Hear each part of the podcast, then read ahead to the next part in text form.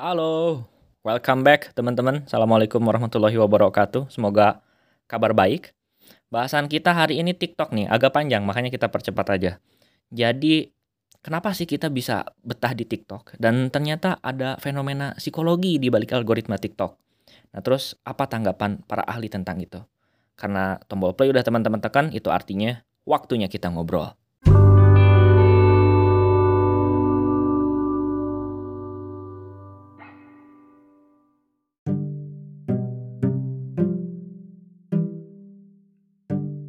Oke, supaya gampang nanti memahami uh, tanggapan ahli, di sini aku mau jelasin dulu teori psikologi yang kemungkinan besar menurut aku paling relevan sama yang TikTok pakai untuk algoritmanya.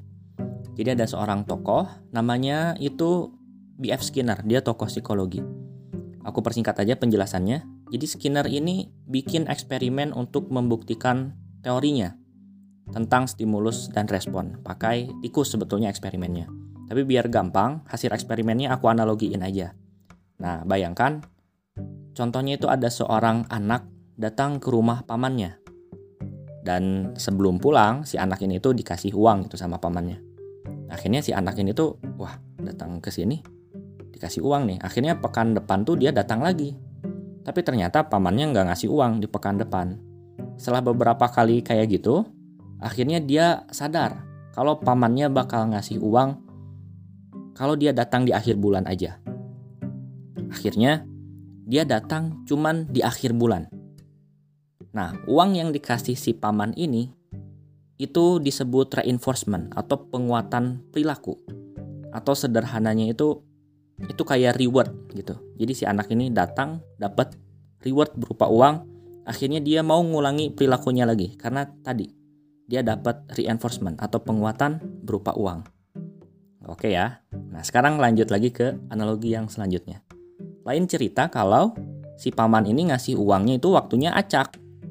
Kadang di minggu pertama, kadang minggu kedua, atau kadang di akhir bulan. Nah, kemungkinan si anak ini bakal datang setiap pekan untuk dapat reward tuh, untuk dapat uangnya tuh. Karena dia nggak tahu kapan pastinya dia dapat atau enggak. Beda sama yang contoh pertama. Nah, Skinner bilang, kondisi kayak gini tuh mirip banget sama waktu berjudi. Kita nggak tahu kapan kita kalah atau kapan kita menang. Tapi kadang-kadang kita menang. Nah, waktu kita menang tuh reinforcement, penguatan perilaku supaya kita mau ngulangi lagi, main lagi, judi lagi gitu. Nah, akhirnya kita tuh bakal terus penasaran gitu dan mikir kayaknya uh, selanjutnya bakal menang deh kayaknya selanjutnya berhasil deh. Karena algoritmanya nggak jelas kapan kita menang kapan kita kalah. Akhirnya nyoba nyoba terus gitu. Nah sampai sini mudah-mudahan teman-teman paham ya. Dan kalau yang di dunia industri uh, ini tuh sering dengar tentang reward and punishment. Nah dasar teorinya tuh lahir dari sini sebetulnya. Eh, sekarang kita mulai masuk ke pembahasan tiktoknya nih. Jadi ada wawancara antara jurnalis Forbes dengan seorang sosiolog dari University of Southern California namanya Dr. Julie Albright. Nah dia tuh install TikTok buat tujuan penelitian. Dan tahu apa yang dia bilang setelah dia install TikTok? Dia bilang, I got addicted from the first hit. Dia bilang, aku kecanduan sejak pertama kali mencoba. Ini pastinya kiasan ya, cuman artinya tuh saking gilanya nih algoritma TikTok tuh. Nah dia tuh jelasin. Jadi ternyata si video TikTok tuh waktu kita scrolling nggak selalu nampilin video yang cocok sama kita, yang bikin kita seneng, yang bikin perhatian kita tertarik gitu. Kadang kita dapat, terus kita scrolling nggak lagi, tiba-tiba dapat lagi. Nah, ketika kita dapat video yang bikin kita seneng, yang menarik perhatian kita, maka akan muncul hormon dopamin di otak kita. Hormon dopamin itu hormon yang memberikan kita kesenangan. Dan biasanya otak tuh nagih buat dapat itu lagi, keluarin lagi dopaminnya. Artinya otak tuh nagih buat kita nyari lagi atau scrolling lagi buat dapat video yang bikin kita seneng. Nah, yang jadi masalah kan ini tuh secara acak gitu.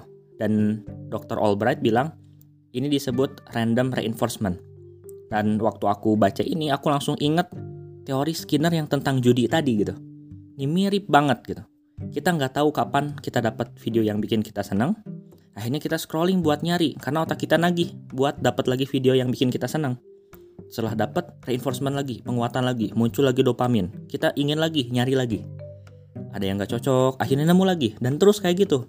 Akhirnya kita betah lama-lama di TikTok. Mungkin kalau TikTok terus-terusan ngasih kita video yang cocok, kita lebih cepat bosannya gitu ya. Nah jadi sebetulnya kita betah di TikTok tuh bukan bener-bener murni kita suka tuh sama TikToknya. Tapi TikTok ngehack psikologis kita dan kita sengaja dibuat berlama-lama di dalam TikTok. Bahkan judul artikel ini di Forbes itu lumayan keras banget judulnya. Digital Crack Cocaine, The Science Behind TikTok Success. Artinya, kokain atau narkoba digital, ilmu saintifik di balik suksesnya TikTok. Karena algoritma yang dibuat TikTok tuh saintifik. Dia ngehack otak kita supaya kita betah lama-lama di dalam TikTok. Nah, selanjutnya Dr. Albright menjelaskan tentang apa sih dampak negatifnya TikTok nerapin itu buat kita gitu ya, random reinforcement tadi. Yang pertama itu tentang kecanduan. Kamu tercandu-candu. Nah, biasanya kalau udah kaitannya sama dopamin tuh larinya ke kecanduan. Tadi udah dijelasin ya eh, gimana cara kerjanya di random reinforcement. Nah, yang kedua, tentang durasi konsentrasi kita tuh jadi singkat. Jadi kita tuh nggak bisa konsentrasi lama-lama. Karena menurut dia itu uh, mekanisme otak kita udah beradaptasi dengan video TikTok yang durasinya singkat-singkat. Dan ini bisa terjadi di semua golongan usia. Tapi lebih khusus lagi untuk anak yang perkembangan otaknya atau pertumbuhan otaknya belum sempurna, itu resikonya lebih besar. Nah, makanya ini yang punya adik gitu ya dan mungkin punya anak atau bahkan pengajar, terutama TK, SD, ini perlu diingetin nih soal TikTok karena durasi konsentrasi anak tuh jadi menurun, jadi lebih singkat gitu ya. Nah, yang ketiga, kita jadi suka sesuatu itu serba instan. Jadi Dr. Albright tuh nyuruh muridnya untuk bikin rencana lima tahun ke depan, mau ngapain, mau jadi apa gitu ya. Dan si murid-muridnya tuh kebingungan.